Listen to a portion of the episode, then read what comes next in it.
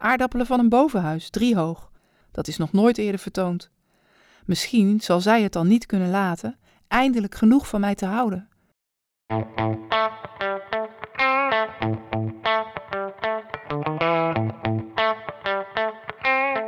Ik ben Mechtelt Jansen en ik hou ontzettend van literatuur en van Amsterdam.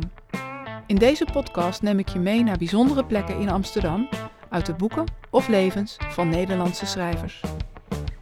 Vandaag ben ik in Amsterdam West met Marielle van Tilburg. Ga je mee? Nou, nummer 93. Misschien kan je nog even zeggen, Mechtelt, waar we zijn. We zijn in het stadsdeel Amsterdam Oud-West. En we staan hier tegenover uh, Brederode straat 93, 1 hoog. En we staan eigenlijk onder een uh, bordje met een uh, foto van Willem Frederik Hermans erop. En uh, Willem Frederik Hermans is hier op de eerste verdieping geboren in 1921. En hij heeft hier een aantal jaren gewoond, uh, is toen verhuisd naar de Eerste Helmenstraat 208. En dat zie je vlakbij. Dat zie je vlakbij. En het huis, dat was relatief nieuw. Dit hoekje van de stad is tussen 1900 en 1920 volgebouwd door uh, architect Van Epen, die een voorstander was van hogere maatstaven voor woningen voor de lagere standen. En die bouwde hier in opdracht van de Amsterdamse coöperatieve onderwijzersbouwvereniging. De vader van Hermans was ook onderwijzer, dus dat klopte dat hij hier kon wonen. En het is nu, als je hier zo kijkt, is het uh, ja, eigenlijk best een, uh, een mooi straatje in de stad. Uh, geveltuintjes, bomen, balkonnetjes, erkertjes. Wel hoge huizen, lange rijen. Ja, en relatief kleine ramen. Zeker aan deze kant. Kijk, in die erkertjes, vrij mm -hmm. smal. En dat uh, hoorde ook een beetje bij die filosofie van die van Epen. Uh, Willem Otterspeer, die de biografie van Willem Frederik Hermans schreef, die uh, verwoordt het als volgt. Het waren mooi vormgegeven, maar donkere huizen, met kleine ramen, naar de filosofie van de Amsterdamse school, zodat de bewoner zijn blik naar binnen zou keren en van zijn eigen woning zou genieten. Dat die blik naar binnen keren het genieten van buiten onmogelijk zou maken, was een gedachte waarvoor men in die tijd blijkbaar geen ruimte had. De huizen kenden veel houtwerk, een bakstenen schoorsteenmantel afgedekt met eikenhout en art deco muurversieringen. Ze waren goed geïsoleerd en variabel van layout. Men kon twee kamers aan de straatkant bewonen of twee kamers en suite. Er was nog geen badkamer, men waste zich in de keuken. Bij de wc in de gang was wel een aardewerken fonteintje. Van Epe ontwierp ook huizen aan de Jozef Israëlskade. Deze in optimisme tot stand gekomen woningen zouden dus op termijn het decor vormen voor sombere romans als Ik heb altijd gelijk en De avonden. Had hij het naar zijn zin hier? Had hij een fijne kindertijd? Hij had helemaal geen fijne kindertijd. Uit die biografie waar ik daarnet uh, een stukje uit voorlas, maar zeker ook uit zijn meer autobiografische verhalen. Ja, daar stijgt echt een sfeer van, van, een, van verstikking op uit die kindertijd. Um, zijn ouders waren heel angstig, allebei. Vader was bang voor armoede, uh, probeerde steeds hoger op te komen. Het lukte maar niet. Was een ontzettend gefrustreerde man daardoor. Uh, moeder was eigenlijk bang voor van alles. En het gezin Hermans ja, leefde, leefde heel geïsoleerd. De kleine Wim mocht ook eigenlijk niks. Ging niet naar de kleuterschool. Was geïnteresseerd in techniek, maar zijn ouders vonden techniek iets heel engs. Dat kon alleen maar misgaan. Uh, had een oudere zus, Corrie, die uh, nou, 2,5 jaar ouder was. En zij werd hem voortdurend tot voorbeeld gesteld. Dus bij alles wat hij deed kreeg ik te horen dat hij uh, ja, zich meer moest gedragen zoals zij. Want zij snapte het wel en hij was maar een niksnut die voor galg en rat zou opgroeien. Ja, en dat zijn hele jeugd lang. Kon hij nog iets inhalen op school? Had hij een leuke schooltijd? Nee, zijn schooltijd was ook niet fijn. Het was natuurlijk geen kind dat uh, geleerd had om goed vriendjes te maken. En zijn sociale vaardigheden had hij natuurlijk niet echt goed lekker kunnen oefenen. In zijn meer autobiografische verhalen is dat in, in wel sterk aangezette vorm echt wel terug te vinden. Hoe, hoe afgrijzelijk het ook op school was. Arme jongen. Ja. Er is aan de overkant ook een school. Uh, was het deze school waar die op zat? Nee, het was die school. De Pieter Langendijk school. Oké. Okay. Gaan we even naartoe.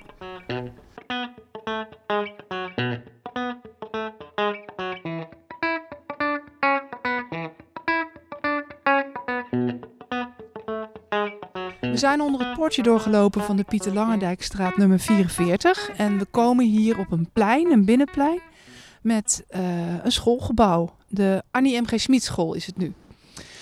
Um, deze school is echt midden in een, een binnenterrein tussen huizenblokken neergezet. Dus uh, aan de achterkant zie je de Amsterdamse uh, balkonnetjes uitkijken over dit schoolplein, dat echt helemaal om de school heen loopt. En um, deze school komt ook voor in een aantal verhalen van Willem Frederik Hermans. en daar is het echt een oord van verschrikking. Eén daarvan is al uit 1944. Um, en die staat in de bundel Paranoia. En die heet uh, Manuscript in een kliniek gevonden. Dat geeft het al misschien een beetje aan dat het niet een heel erg uh, vrolijk verhaal wordt. Nee. Uh, in het verhaal kijkt iemand waar duidelijk het een en ander aan mankeert vanaf een van de balkons uit op het schoolterrein. Um, en hij ziet daar voortdurend een jongen getreiterd worden. Het is niet helemaal duidelijk of dat echt gebeurt. Een buurman die die erop aanspreekt, die zegt ja, dat is al twintig jaar zo aan, aan de gang. En dat wordt eigenlijk doorweven met zijn herinneringen aan zijn tijd op deze school, waar hij ook verschrikkelijk getreiterd werd. En het einde van het verhaal, daarin speelt de poort waar wij net onder, door zijn gelopen ook een grote rol. Want daar stak een pin uit het plaveisel omhoog om het hek tegen te houden. En als je goed kijkt, zie je die pin nog steeds. En op het einde, nadat er allerlei vreselijke dingen zijn gebeurd, raakt hij in gevecht met een andere jongen. En uh, drukt hij dat kind met zijn hoofd op de pin neer, waartegen die deuren, uh, die hekken sluiten. We lagen in het midden van de poort, hij onder, zijn achterhoofd juist boven de ijzeren pen die uit het plaveisel opsteekt om de hekken te stuiten. Ik drukte zijn hoofd neer. Zijn gezicht werd anders. Het rood van zijn haren ging onmerkbaar over in dat van een groot aureool van bloed. Ik rees op en stapte over hem heen, mijn voet op zijn voorhoofd. En zij lieten mij gaan, want ik had de waarheid betrapt. En voor één moment werd hun duidelijk wie ik was, dat zij geen deel hadden aan de wereld van mij. Ze zagen mij in mijn verblindende compleetheid. Want slechts Hij is waarlijk een God, die is absoluut en alles, slachtoffer en slachter, zaligmaker en Satan tegelijk. Oeh, gruwelijk. Ja. We nemen aan dat deze gebeurtenis niet autobiografisch is. Uh, nou, en een ander verhaal waarin deze school ook een plek uh, heeft, is de elektriceermachine van Wimshurst. Die komt uit de bundel Een wonderkind of een total los. Mijn school stond midden op een met klinkers geplaveid binnenplein, afgesloten door een schutting die naar rottend hout stonk. Achtergevels van hoge huurkazernes omringden het aan alle zijden. Hun houten veranda's hingen altijd vol wasgoed. Daar zat je naar te staren als je niet oplette in de klas. Vocht kon niet ontwijken. Lakens en kleren droogden in geen dagen. Kun je je me voorstellen? Ja. Um, die binnenplaats, daar moet de hoofdpersoon van de elektriceermachine, als hij uh, in de lagere klasse zit, een tuintje aanleggen. Samen met de domme Marines Klein. En daar stelt ze zich heel veel van voor. Ik had mij van alles en nog wat voorgesteld. Tuinen vol bloemen rondom de speelplaats, die altijd in de schaduw van de stinkende huizen ligt. Nog sterker, thuis heb ik witte bonen tussen natte watten gelegd om te ontkiemen.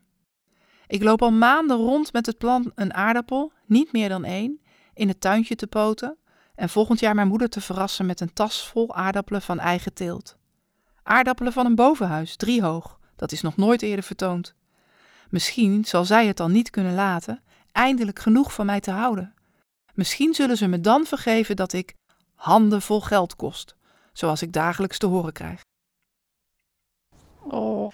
Maar dit jongetje met wie die dat moet doen, die wil helemaal niet serieus een tuintje aanleggen. Die wil net als de andere kinderen uh, zand uit de zandbak in het tuintje gooien en de, uh, de bloemetjes afrukken van de plantjes.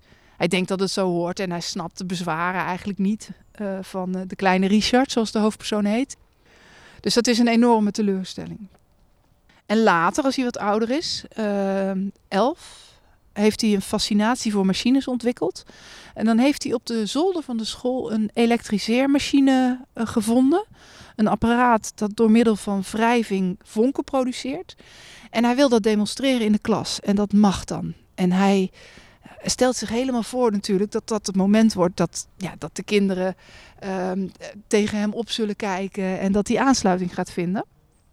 Hij mag zelfs moeders stofkwast mee naar school nemen, want het is belangrijk dat dat ding stofvrij wordt gemaakt. En de demonstratie lukt ook inderdaad. Maar vervolgens probeert de meester uh, een gloeilamp aan te sluiten op het apparaat. En dat kan helemaal niet. Dan moet er eerst een, uh, een dynamo tussen. En Richard die waarschuwt daar nog voor, maar ja, daar wordt natuurlijk niet naar geluisterd door de meester. En er ontstaat één grote chaos in de klas, waarbij iemand zelfs die stofkwast afpakt. Na school moet ik hen stratenver achterna hollen. Ze gooien elkaar de kwast toe over mijn hoofd heen, lokken mij ermee, gooien hem weer weg als ik dichterbij kom. Eindelijk wordt het zo laat dat zij naar huis moeten en ik de stofkwast kan oprapen uit een goot. Mijn vader, moeder en zusje zitten al aan tafel. Eerst krijg ik een geweldig pak slaag voordat ik heb kunnen uitleggen waarom ik veel te laat thuisgekomen ben. Mijn vader zegt: We zullen nog maar moeten afwachten wat er van jou terechtkomt. Of je ooit zo knap zult worden als die man. En die man is dan de meester die zijn experiment heeft verpest ten overstaan van de klas. Ah, het is verschrikkelijk. Het is verschrikkelijk.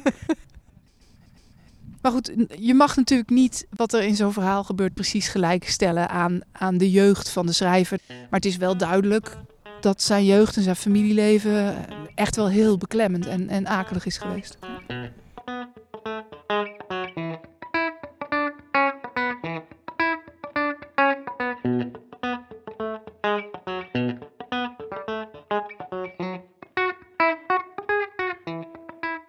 Ik zie hier allerlei tegels met gedichten erop. Ja. Is, is dat echt iets van deze buurt? Ja, dat is echt iets van deze buurt. Ja. Nou ja, er zijn natuurlijk overal in het hele land wel uh, gedichten in de openbare ruimte te vinden. Kila van de Starre die doet daar onderzoek naar. Die heeft er ook een website over uh, gemaakt, straatpoëzie.nl. Het is heel leuk om eens te kijken in je eigen buurt van waar op straat vind ik een gedicht. Is er ook iets van Hermans te vinden? Nee. oh, nee. Ja, het is heel ironisch dat uh, Willem Frederik Hermans hier is geboren, maar dat er van hem geen tekst is aangebracht. Nou ja, kijk, er is natuurlijk wel iets te vinden. Hier staan we op uh, de Eerste Helmenstraat uh, 208 en daar is ook een bordje met de aankondiging dat W.F. Hermans hier woonde. Van 1929 tot 1945. En ze verhuisde hier naartoe omdat deze woning iets groter was. Het ziet er iets lichter uit. Nou, ja, ik vind het een mooi huis eigenlijk. Het heeft een erkertje, het heeft uh, stemmig gekleurde kozijnen. Een beetje van dat uh, donkergroen met wit. Maar in die tijd zag het heel anders uit. Uh, dit huis komt voor in het boek Ik heb altijd gelijk van Hermans. Daarin keert de hoofdpersoon Lodewijk terug naar zijn huis, zijn ouderlijke huis. Hij moet hier zijn om, een, om zijn middelbare schooldiploma op te halen, zijn gymnasiumdiploma. Lodewijk die, uh, komt terug uit, uh, uit Indonesië. Hij heeft daar gevochten tijdens de politionele acties, zoals dat toen werd genoemd. Hij is behoorlijk gedesillusioneerd. Hij loopt hier in de stad rond, weet eigenlijk niet goed hoe het verder moet. Heeft wel een hoop geld dat hij aan het verbrassen is. En hij kan misschien een baantje krijgen, maar dan moet hij dat diploma voor kunnen laten zien. En uh, ja, hij kijkt ook terug op een akelige jeugd in een gezin dat als twee druppels water lijkt op het gezin zoals we dat uh, kennen uit de eigen geschiedenis van Willem Frederik Hermans. En de buurt en het huis beschrijft hij als volgt. Zoals men buurten heeft waar de straten naar juwelen heten met een diamant, robijn en saffierstraat, of naar hemellichamen met kometensingel, het Miselplein en de Aldebaarankade, zo waren er in de buurt waar zijn ouders woonden alle straten naar zoetigheid genoemd. In al deze straten stonden eendere huizenblokken, door dezelfde, 50 jaar geleden zeer buitennissige architect voor dezelfde coöperatie van kleine middenstanders gebouwd. De achtergevels waren tot bovenaan toe begroeid met wingerd, waarin enkel muggen nestelden. Raamposten en vensterbanken waren oranje geverfd, de deuren hardgroen. De schoorsteenmantels in de kamers bestonden uit naakte baksteen en het was aanvankelijk verboden geweest daar behang over te plakken. Toen Lodewijk geboren werd, was dit verbod evenwel reeds onhoudbaar gebleken en opgeheven. De bewoners van deze blokken behoorden merendeels tot de Socialistische Arbeiderspartij.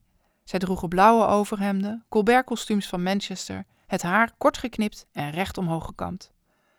Zomers lieten zij zich in hun vrije tijd rood verbranden en winters bouwden zij zelf een radiotoestel. Op 1 mei knoopte zij een rode lap aan een mosgroene stok. Het waren mensen die van duidelijke kleuren en doelstellingen hielden. Ze waren wonderwel in harmonie met de architectuur van hun coöperatie. Men zou niet meer kunnen uitmaken of de huizen zo gebouwd waren voor hen, dan wel zij zo waren geworden door die huizen. Mijn vader was de eerste die behangsel liet plakken op de stenen schoorsteenmantel. Hij woonde er alleen voor de goedkoopte. Te denken hoe groot de wereld is, dat ik overal naartoe kan en toch weer daar terecht moet komen. Daar heb ik altijd ongelijk gehad. Ja, de straten in het boek, hier in deze buurt, het speelt helemaal in Amsterdam. Hè? En veel plekken zijn herkenbaar. Het Leidseplein heet gewoon het Leidseplein. Maar uh, deze straat heet uh, de Karamelstraat. En de Overtoom, die hier vlakbij ligt, heet de Suikerboulevard. En er is ook sprake van een toverballenplein. Ik denk dat dat het Staringplein is. Dat is hier uh, ja. aan het eind. Hoe loopt het af met Lodewijk? Ja, ik wil niet uh, dat hele boek gaan navertellen. Ik heb altijd gelijk. Maar uh, hij komt hier dus zijn gymnasiumdiploma ophalen. En het is misschien wel tekenend voor de hele ellende dat hij het dus niet krijgt.